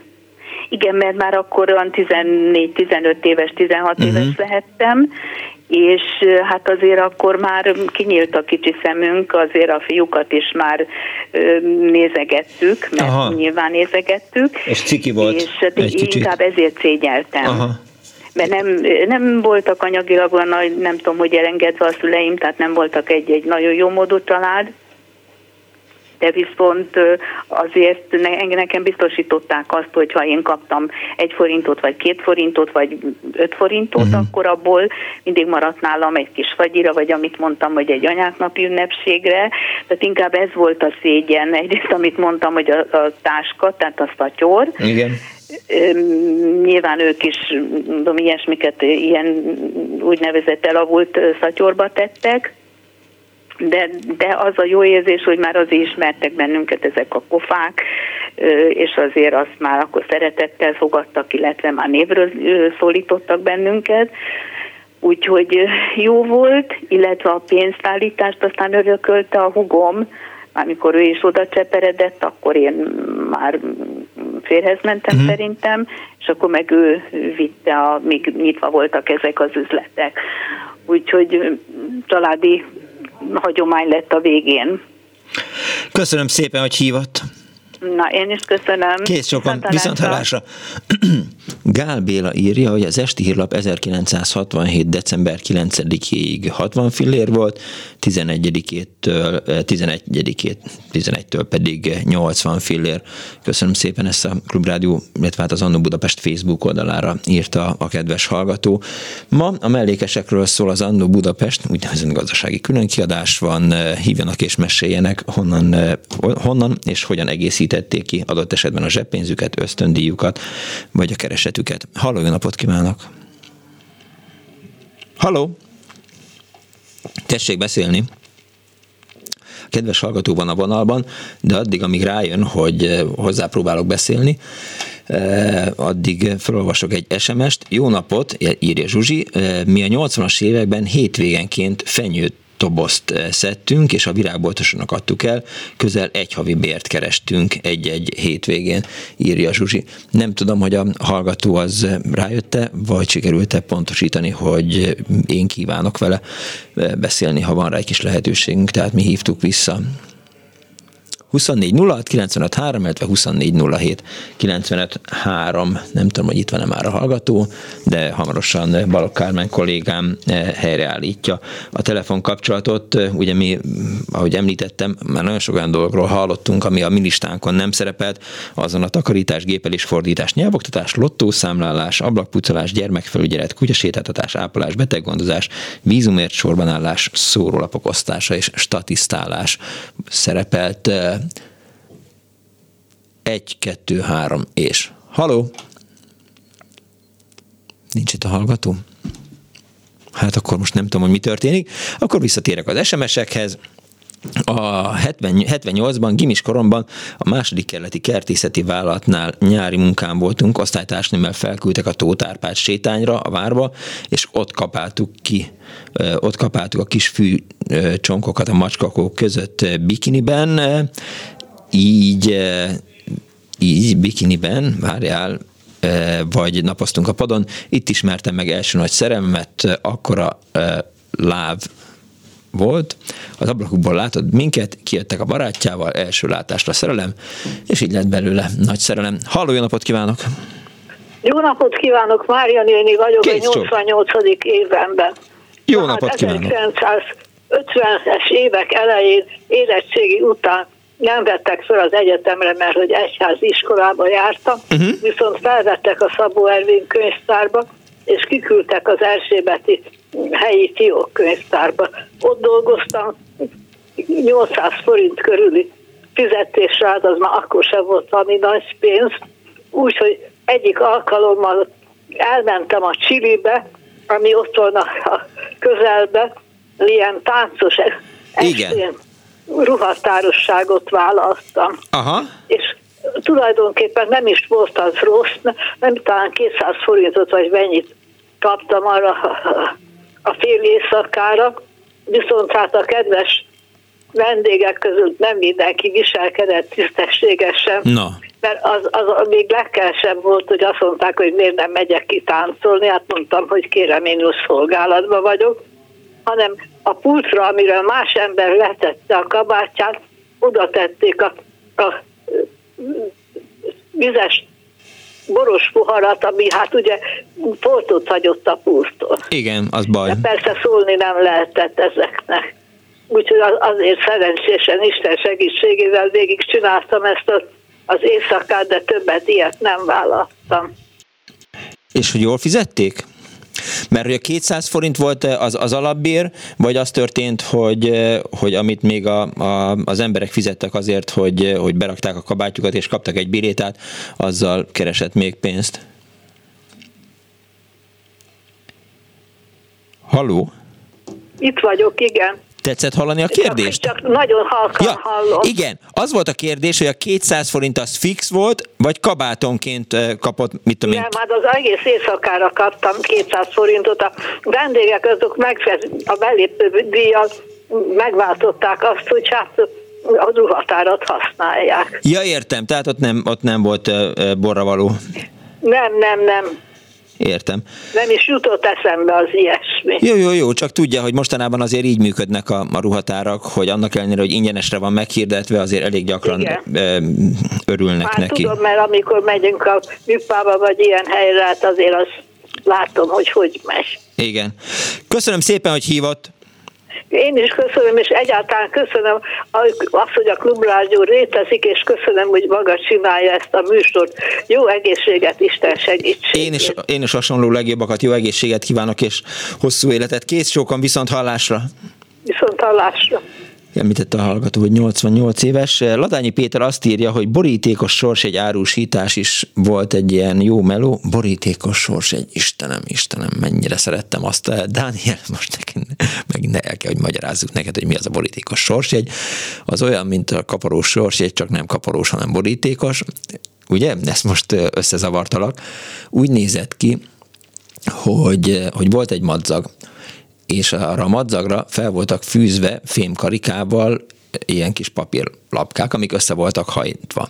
És amikor az ember vásárolt egy borítékos sorsjegyet, akkor levágta a, az eladó a, a, a kis papírról, vagy, vagy levette a madzagról a, a sorsjegyet, te letépted, és kinyitottad, és akkor kiderült, hogy nyertél 20 forintot, vagy 10 forintot, vagy 50 forintot. Hát ez egy ilyen egyszerű játék volt, tehát a szerencsejátéknak egy ilyen kezdetleges formája, de az ember nagyon, nagyon bírta, és azt írja egyébként Ladányi Péter, hogy a borítékos sorsjegyára az 3 vagy 5 forint volt, és egy eladásáért 20 fillért fizettek, és még azt is írja, hogy sokat jártam filmekhez, jogi esetben statisztálni több szervezőnél voltam bejegyezve, 200-400 forint volt alkalmanként.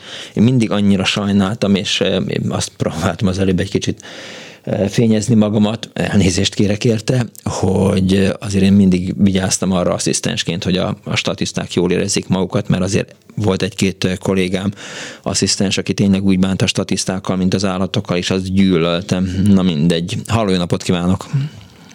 Jó napot kívánok! Üdvözlöm! Hát te Punks not dead, akkor én hurka gyurka. Jó van, szervusz gyurka.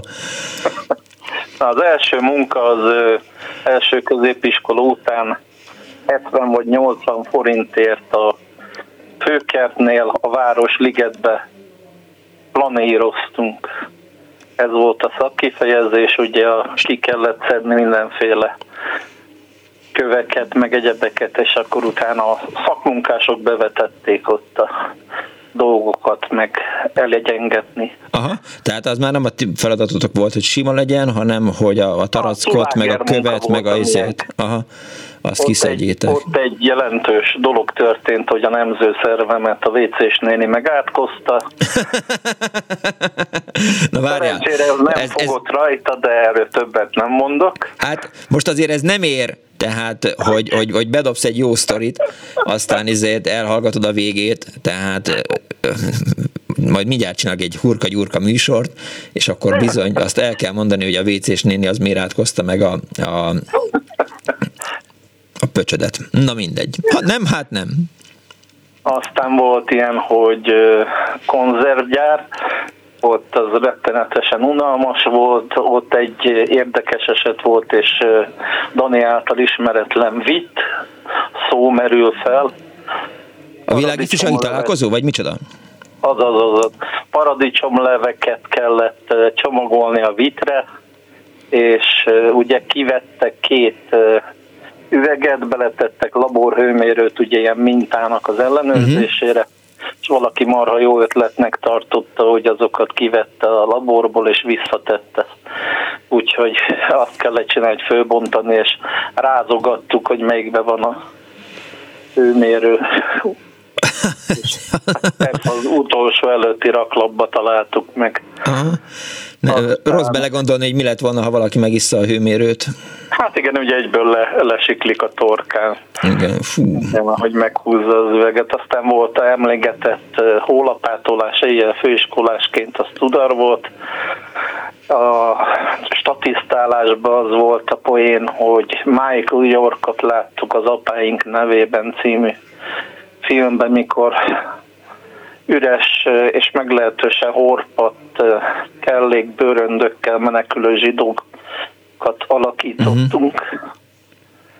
Hát az is egy, ahogy más is mondta, már elég unalmas volt. Ami talán érdekesebb, hogy főiskolán egyszer a Műszaki Egyetem szervezett NDK-ba cseremunkát, tehát rendesen kerestünk, le nem építőtábor volt, és az azóta megszűnt, mert a, a háló, világhálón kerestem Lipcsei Landmaschinen fabrikba dolgoztam, tehát az a mezőgazdasági gépgyár uh-huh. volt, és még annak is az öntödéjében, ahol aztán igazán megtanultuk, hogy mi a fizikai munka. Uh-huh de hát ahogy szocializmusból ered volt olyan, hogy mondták, hogy állj, állj, állj, mondtuk, mi van, mi az Isten volt. De mondták, hogy most szétizéljük a normát, úgyhogy most álljunk meg, mert ha így dolgozunk, akkor meg fogják emelni a normát. Aha, tehát vigyázni kellett arra, hogy, hogy, hogy ne dolgozzátok túl. Buzgók, igen. Aha. És akkor volt olyan is, hogy a helyi erők bevonásával a üzemből a falon lévő lukon kimentünk, és szembe a presszóba sört ittunk. Életemben először ittam sört, mert én nem voltam ilyen alkoholos, és hát a öntödei meleg után ilyen hellsör volt, tehát ez a leg, leggyengébb világos, az, az akkor jól is esett. Értem. Jól is esett, hát itt a helyi lányok is megismertük a a teljesen nyilvánvaló támadásukat, úgymond a Lipcsei FKK strandon.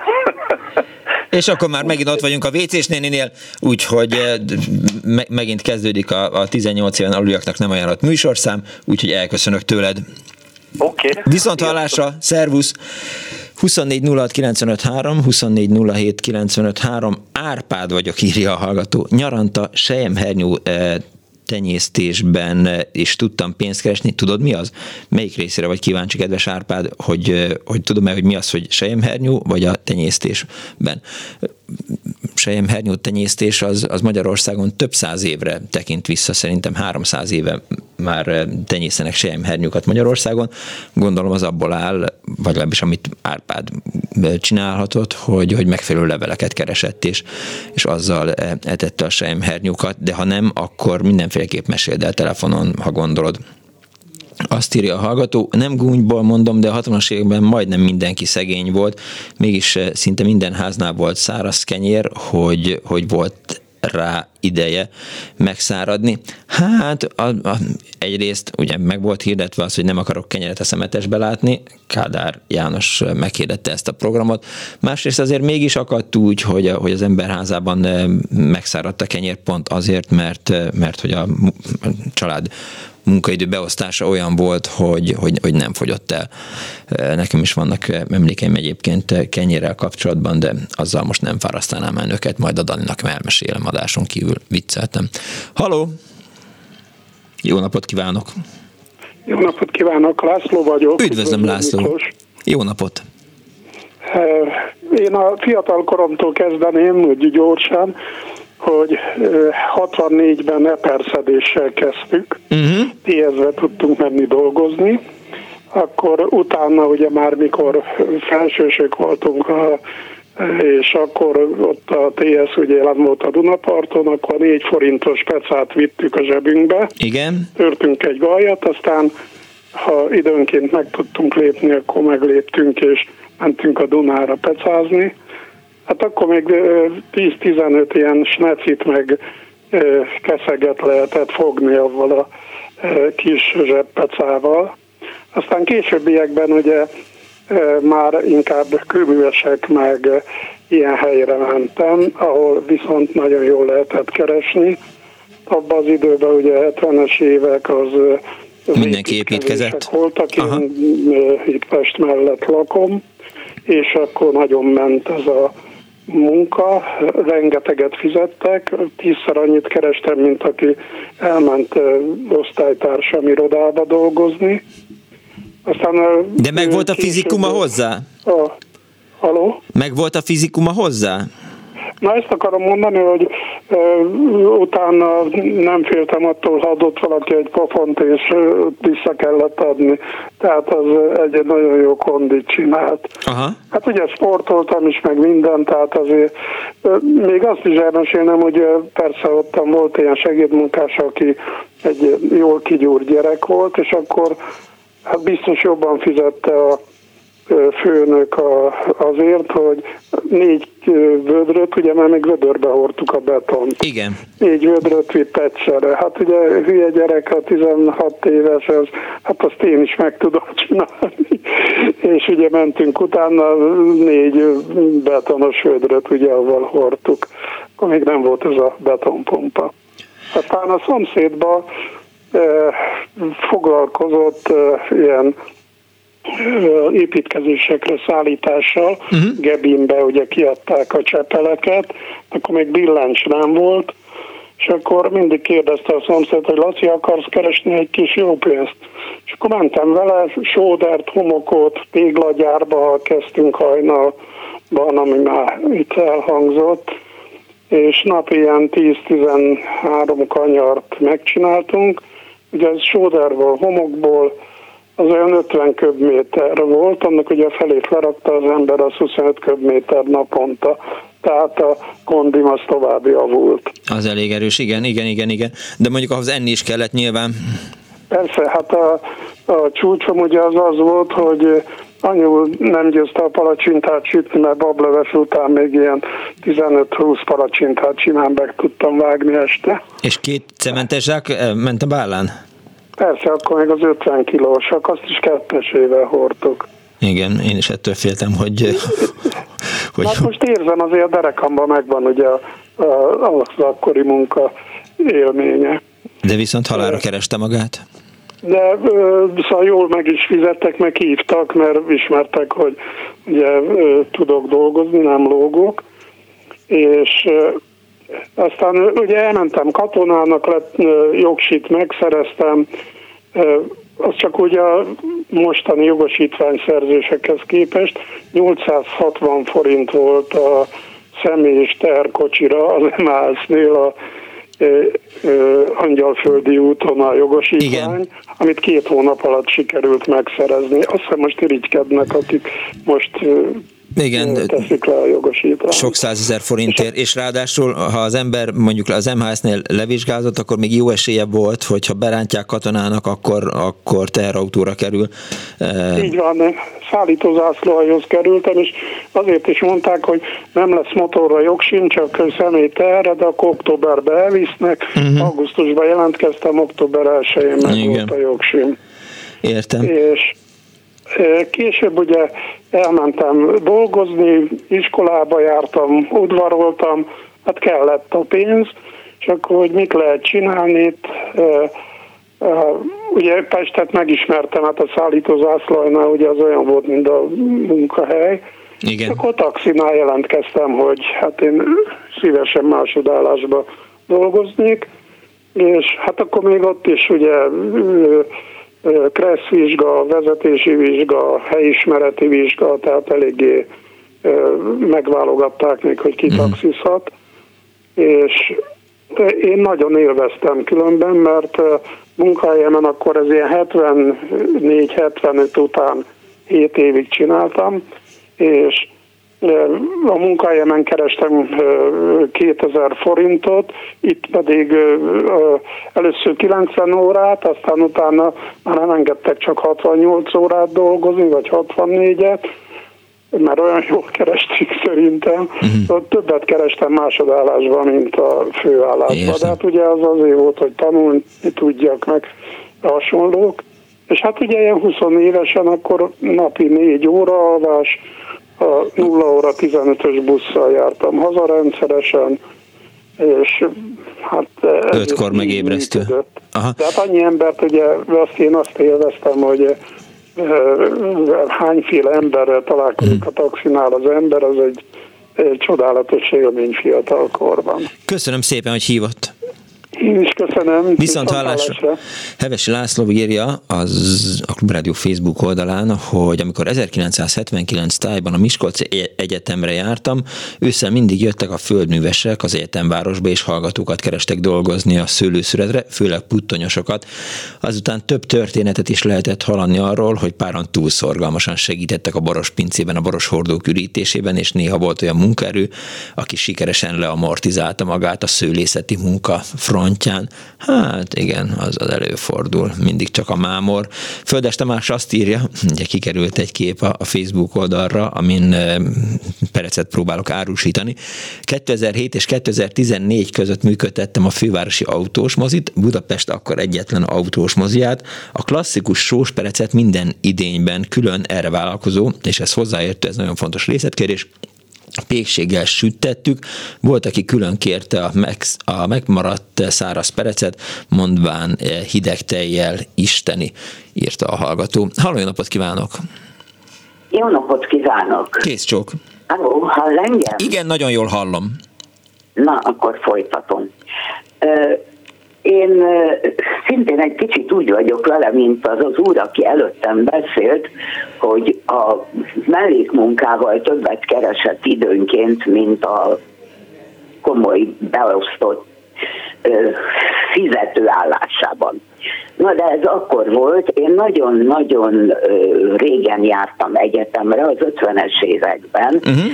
és egyik alkalommal nyáron, nyári gyakorlat közben kaptam egy hívást, amiben megkerestek engem, ajánlottak, a tanszékje ajánlott, hogy vállaljam el valakinek, a, aki esti egyetemre jár, a diplomaterv készítését. Aha. Hát ettől azért egy kicsit meghökkentem, mert azért én még nem voltam diplomaterv érett, de a téma az olyan volt, amit már tanultam, és hát bizony én voltam olyan anyagi helyzetben is, hogy elvállaltam ezt a munkát. Uh-huh. Az az érdekes, hogy ilyen megkeresést később is kaptam, úgy emlékszem, hogy egy évközi gyakor, egy évközi feladatot még megcsináltam valakinek, akkor fejeztem be ezt a munkát, mert hogy mondjam, annyira elköcstelennek találtam, bár hát azt meg tudom érteni, hogy az 50-es években az a rengeteg magas beosztásba került korábban ilyen hétköznapi vagy hogy mondjam, ilyen gyors talpaló tanfolyamon érettségizettek nem tudták a munkájuk mellett még ezt elvállalni. Igen. Akkor volt az utolsó ilyen alkalom, uh-huh. amikor egy évfolyam társam, akiről tudtam, hogy nagyon nehéz körülmények között él, és heten vannak testvérek, és akkor halt meg a édesapja nem sokkal korábban, ugyanilyen dolgot kért tőlem, és hát ugyanúgy egy ezt nem ingyen csinálta az ember. És én azt mondtam neki, hogy ide figyelj, én ismerem a körülményeidet, én szívesen segítek neked, ha valamilyen problémád van, elindulni, vagy elmagyarázni, vagy akármi, de én ezt a munkát neked nem fogom pénzért csinálni. Uh-huh. Mit gondolod, mi történt? Nem tudom elképzelni. Az, hogy átment egy másik évfolyamtárs, közös évfolyamtársunk, az, aki elvállalta. Aha.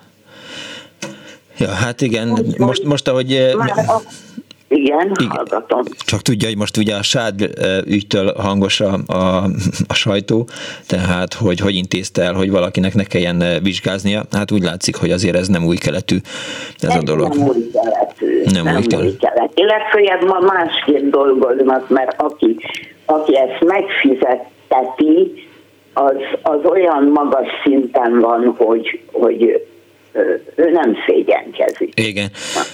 Köszönöm szépen, hogy elmesélte ezt. Igen, még más munkám is volt, ami érdekes volt, és ez tulajdonképpen azért egy pár szóval elmondanám. Jó. Én a nyári szünetben úttörő táborba, illetve akkor még a szót úgynevezett úttörő ö, üdültetésén voltam nevelőnő. Uh-huh. Ez nagyon kellemes dolog volt, mert a szüleim nem tudtak engem elküldeni nyaralni, és ezzel a nyaralásom is meg volt oldva.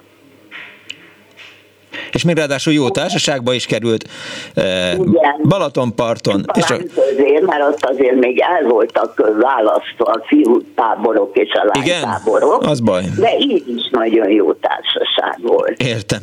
Köszönöm szépen, hogy hívott. Bocsánat. Jó, hát akkor Karácsasvári tábort az bárkinek ajánlanám most is. Jó, köszönöm szépen. Jó. Viszont Kész csók, viszont hallásra. Néhány hallgatói SMS, minden nyáron dolgoztam eh, a gimiben, és az egyetem alatt is. Amikor nyugdíjba mentem, akkor az előrehozott öregségi nyugdíj feltétele a 36 ledolgozott év volt, ami nekem ezekkel a nyári munkákkal lett meg, akkor még nem dolgozott senki feketén. Egy másik hallgató, jó napot, 60-as évek vég, az általános iskolában fruti cukorkát 20 fillér per darabját adtuk el, az őrs csapatnak ebből lett pénze, nyári munka, 70-es évek vége, azt írja a hallgató, csak ugye szokás szerint az ABC-ben a kenyérosztályon voltam eladó, a Mavad e, csigagyűjtés is egy ilyen munka volt, szörmegyár, itt az irodán dolgoztam, így jutott tudomásomra, hogy hétvégén van lehetőség vagon kipakolására, a vagonokban nedves cser bőr érkezett, írtó kellemetlen szaga volt, magyarul büdös, 1980-as évek elej, lóverseny, ügető a fapadoson, a totalizátorokkal, a az ablaknál fogadás és kifizetés alkalmanként kb. 150-200 forintot lehetett keresni. Ez az, amit kifizett tett nyeremények után a borrabalóval kerestem, körülbelül a havi keresetem akkor 2400-2500 forint volt. Az utolsó hallgató van a vonalban, halló. Jó napot kívánok! Kellemes napot mindenkinek, vigyázom mindenkivel a vírussal, még attól függetlenül.